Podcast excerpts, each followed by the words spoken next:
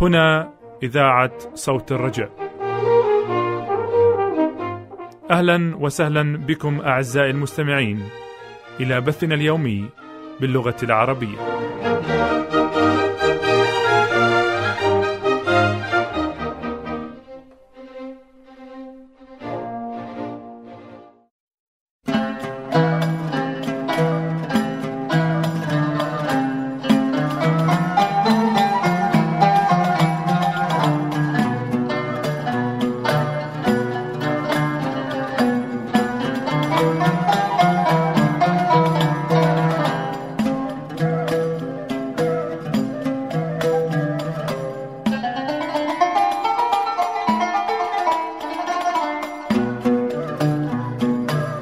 أجمل تحية يقدمها لكم أعزائي المستمعين منير سلام من وراء ميكروفونات صوت الرجاء متمنيا لكم قضاء وقت ممتع مع رحلة اليوم.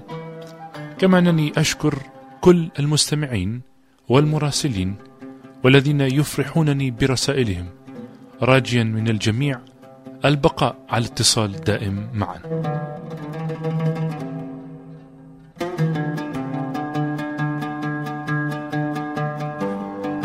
سيتضمن برنامجنا لهذا اليوم إلى فكرة اليوم ومن ثم نستمع إلى أنبياء الكتاب المقدس. فكونوا معنا.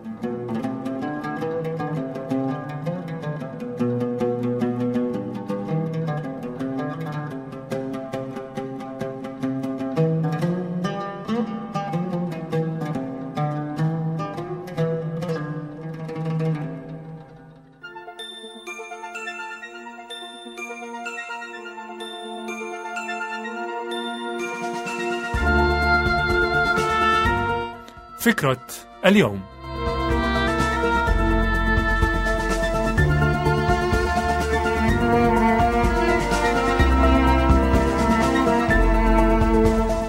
قيمة الحياة.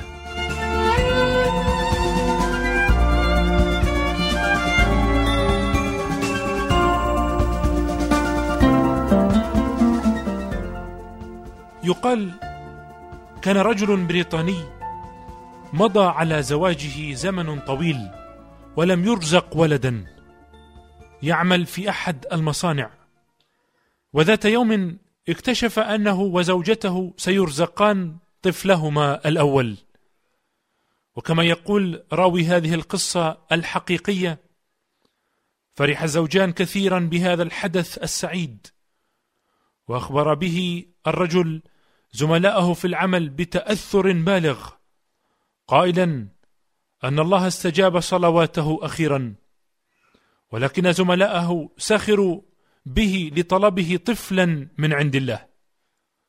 ولما ولد الطفل شخص الأطباء إصابته بالتخلف العقلي.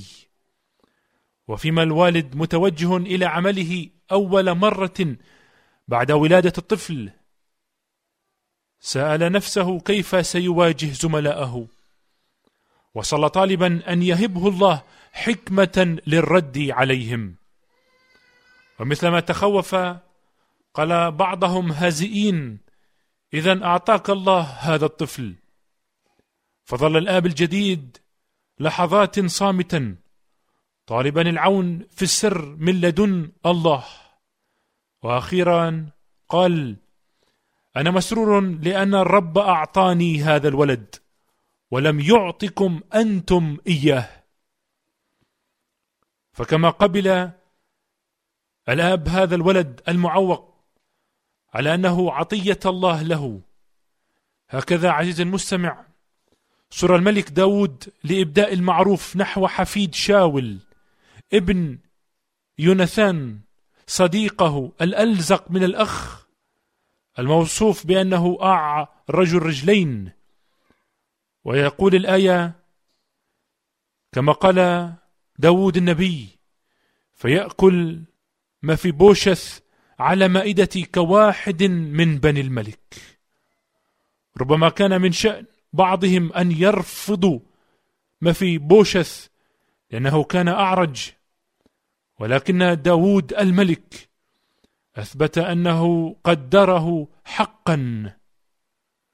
عزيزي المستمع كل شخص مهم في نظر الله. فقد أرسل الله الرب يسوع المسيح ابنه الوحيد ليموت عنا. وقد جاء إلى هذه الأرض ليعامل بالمعاملة التي نستحقها نحن لنعامل نحن بالمعاملة التي يستحقها هو. فهل تتذكر بعرفان وامتنان كم يقدر الله كل حياة بشرية؟ وتذكر بأن كل إنسان مهما كان له قيمته في نظر الله الحكيم العزيز.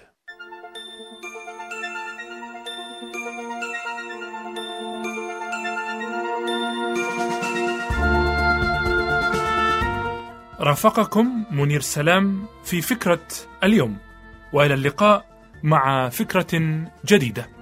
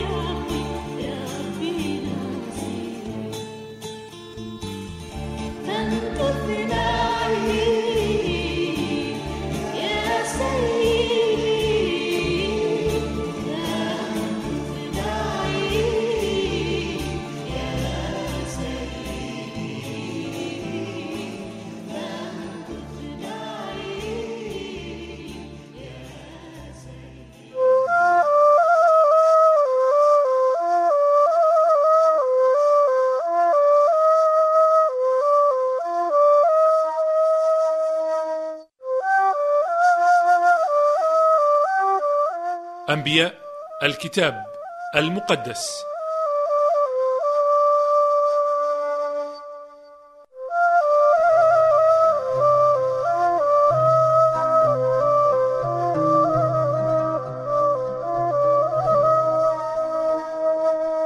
ملاخي النبي.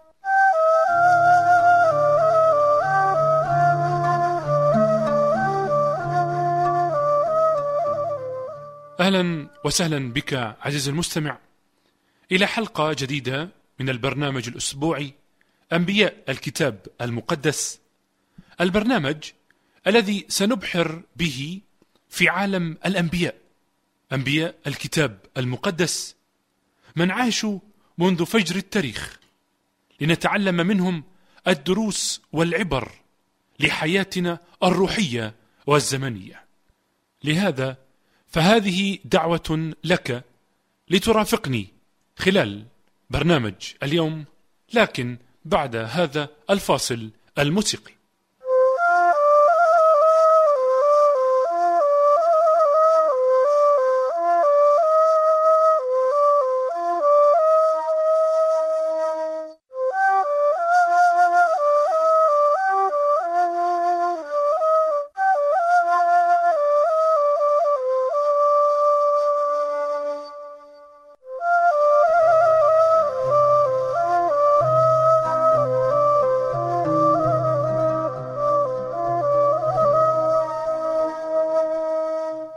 يعد ملاخي النبي آخر أنبياء العهد القديم والكلمة ملاخي تعني ملاكي أو رسولي. وقد تنبأ هذا النبي بعد الرجوع من السبي وبناء الهيكل ورسالته غاية في الصراحة والقوة وجمال التشبيه وبراعة الحوار. ومن الغريب أنه كان معاصرا لسقراط ودعاه بعضهم سقراط العبراني إذ كان كالفيلسوف اليوناني العظيم في طريق العرض والاعتراض والنقاش واستخلاص النتيجة. وفي الواقع إن ملاخي تأثر في أسلوبه وتفكيره بالأحداث العظيمة التي كانت تجري في العالم في أيامه. الأحداث التي كان لها ولا شك أكبر الأثر في أمته وشعبه ورسالته.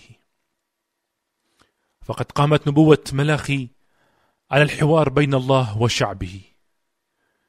فإذ كان سقراط في أثينا يجمع الناس حوله ويناقشهم في فلسفة الحياة وكيف يمكن أن يعيش الإنسان في عالم ضرب فيه الفساد في أثينا وأورشليم إلى آخر الحدود حتى أنهم حكموا على سقراط أن يشرب كأسا من السم. ولفظوا الرجل الذي كان أحكم إنسان في وسطهم. لكن أورشليم كانت تواجه حوارا أعظم. ليس بين إنسان وإنسان بل بين الله والإنسان. ولم يكن وحي ملاخي إلا تسجيلا لهذا الحوار. والكلمة وحي فيها معنى الحمل أو العبء أو الثقل أو المسؤولية. فالحديث هنا ليس حديث فكاهة أو تسلية أو سمر يقوم بين اثنين بل هو في الحقيقة الحديث الجدي العميق الباهظ الثقل لما فيه من أهمية ومسؤولية وسيكون وقعه رهيبا على من يرفض الالتزام أو يسير بعيدا عن الطريق. وعلى وجه الخصوص هو رهيب من حيث الطرفين أو من حيث الموضع. فأما طرفاه فهما الله والإنسان أو بتعبير أدق هما الله في وضعه كأب وكسيد والآن والإنسان في وضعه كابن وعبد. أما من حيث الموضوع فهو أسمى موضوع في الوجود. وهو الحب. والله من جانبه لا يمكن أن يتباعد عن هذا النوع من الحوار إذ أن الله محبة وهو بطبيعته ينتظر أن يقوم كل حوار بيننا وبينه على المحبة.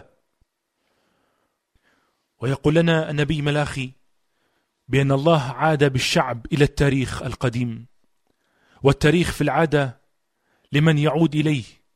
أعظم برهان عملي وواقعي على محبة الله الفائقة العظيمة في تاريخ الأمة أو البيت أو الفرد. ويكفي أن يعود شعب الله إلى تاريخ يعقوب وعيسو. ومهما نحاول أن نبحث فإننا لا نستطيع أن نصل إلى عمق الاختبار الإلهي. لقد انتظر الله من شعبه حبا بحب.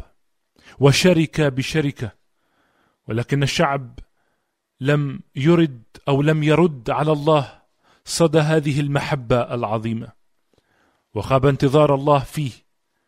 وإذا كان للمرء أن يسأل وماذا ينتظر الله جوابا عن حبه فهو ينتظر ما ينتظره كل آب من ابنه. ليس الأمر مجرد طاعة بل نحن نحبه لأنه هو أحبنا اولا. إننا من هامة الرأس إلى أخمص القدم مديونين له كخالق وكمعتني وككفار لخطايانا وهو يستحق كل حب وولاء وأن يكون هو صاحب المركز الأول والأخير في قلوبنا وحياتنا.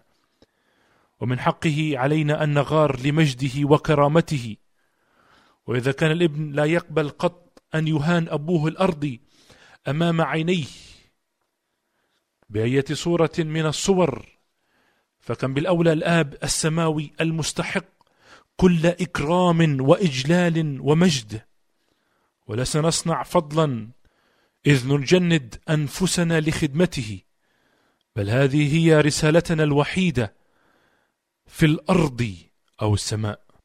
نعم. هذه هي رسالتنا على هذه البسيطة. أن نخدم الله وأن نغار لكرامته كما نغار لكرامة أبوينا الأرضيين. فماذا أنت فاعل عزيزي المستمع؟ هل ستجلس ولا تبادل الله محبة بحب؟ لقد مات على عود الصليب من أجل خلاصك لأنه أحبك. لأنه هكذا أحب الله العالم حتى بذل ابنه الوحيد لكي لا يهلك كل من يؤمن به بل تكون له الحياة الأبدية. فماذا ستدفع بدل هذه المحبة؟ كل ما يريده الله منك أن تعطيه قلبك أن تعترف به ربا والها ومخلصا لحياتك.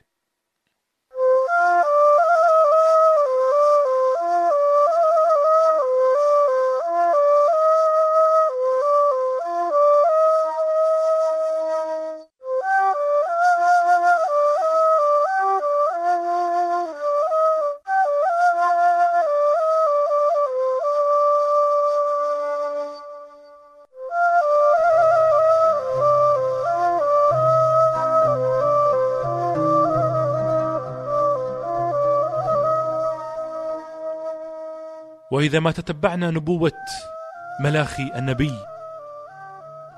فلن نجد صورة أسوأ من صورة الكهنة في أيام ملاخي.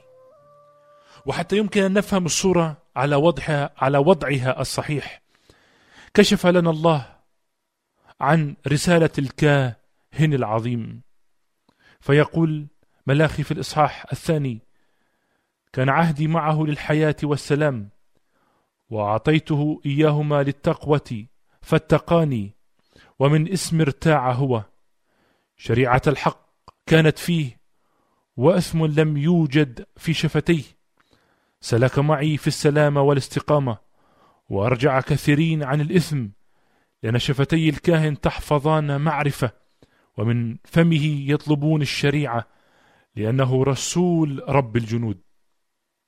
فأي صورة أجمل وأروع من هذه الصورة لخادم الله إذ أنه الخادم المدعو من الله الذي دخل في ميثاق مع الله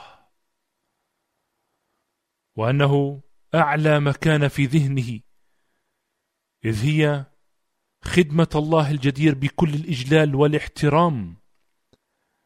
كما ينبغي أن تحاط الخدمة بالمهابة والجلال والاحترام والقدسية إذ هي لله العظيم القدوس.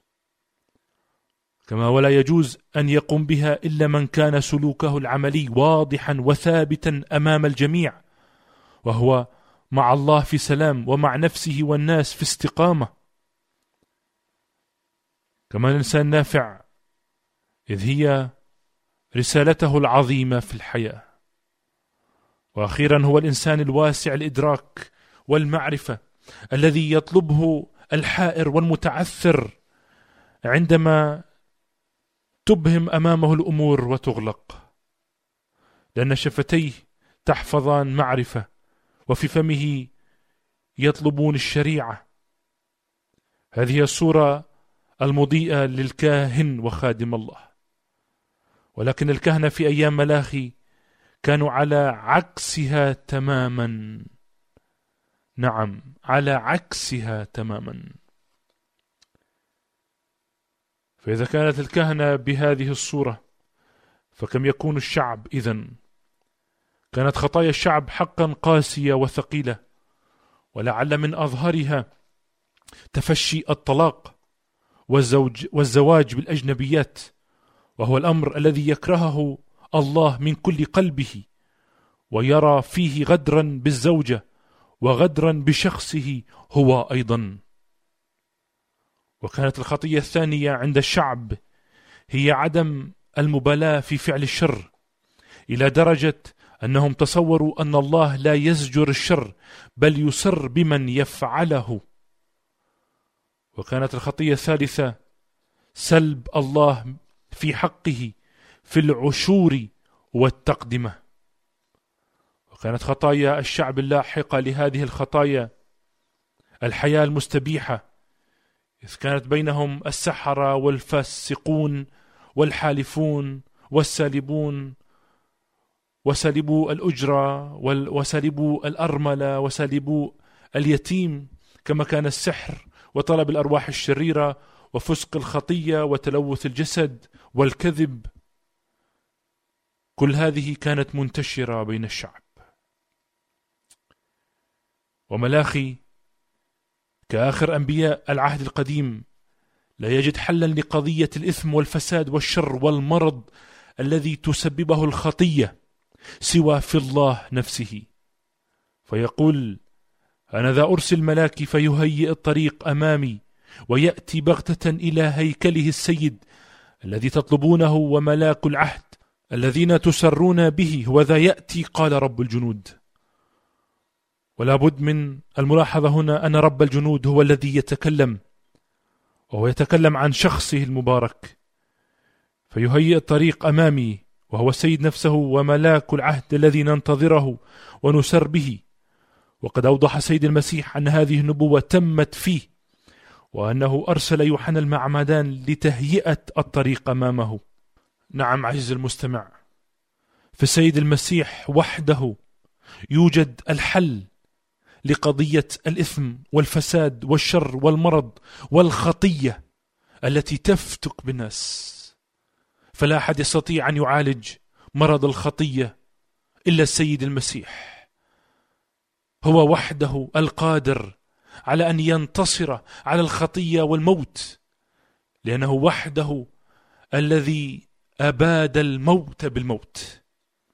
فهذه دعوة لك عزيزي المستمع. لأن تأتي إلى السيد المسيح لكي تتخلص من خطاياك. تعال إليه لكي يعيد لك حياتك السابقة الحياة التي بلا خطية بلا معاناة بلا موت. فالموت هو نصيبك إذا ما كنت بعيدا عنه. تعال إليه الآن واقبل محبته لك كآب. واقبله ربا ومخلصا لحياتك.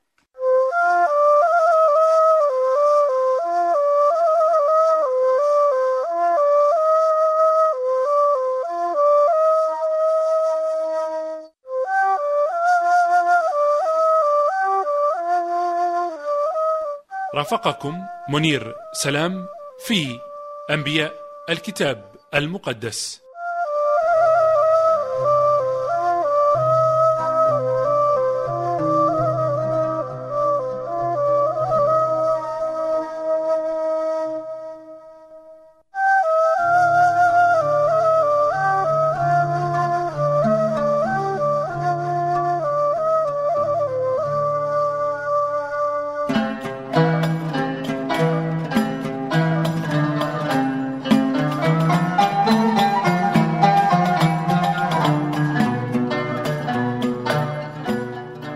سلام يشكرك عزيزي المستمع لمرافقتك لنا خلال برنامج اليوم.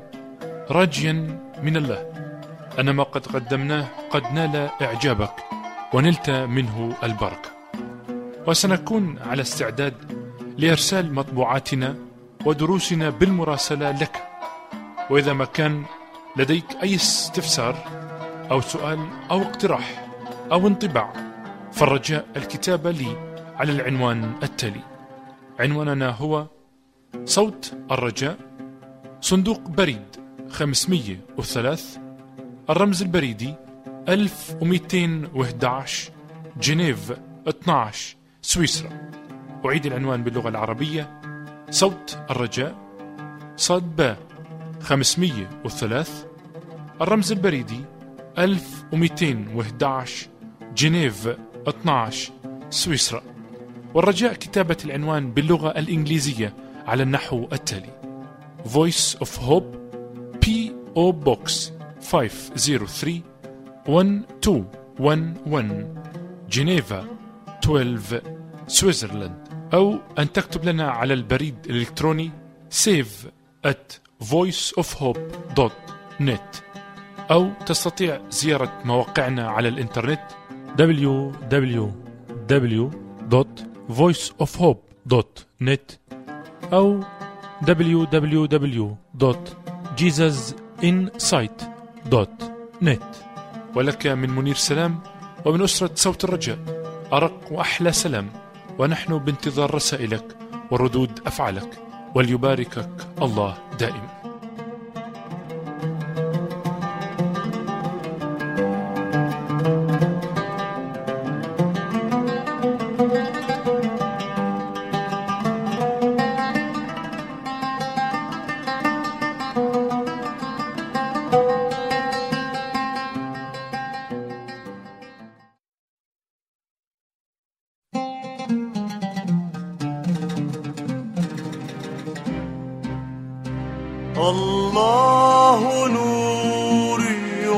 وخلاصي فممن أخاف؟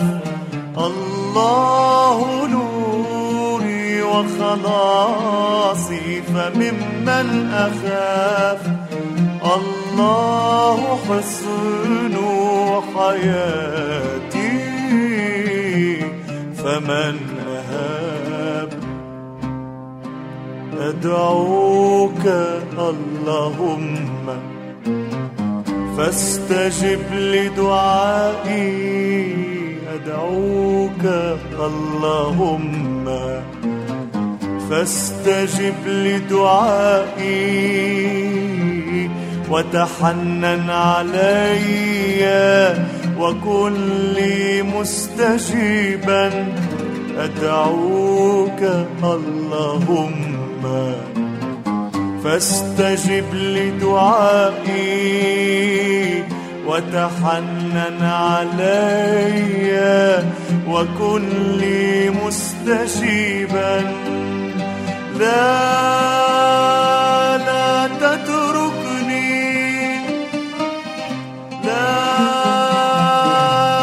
تتركني يا إلهي.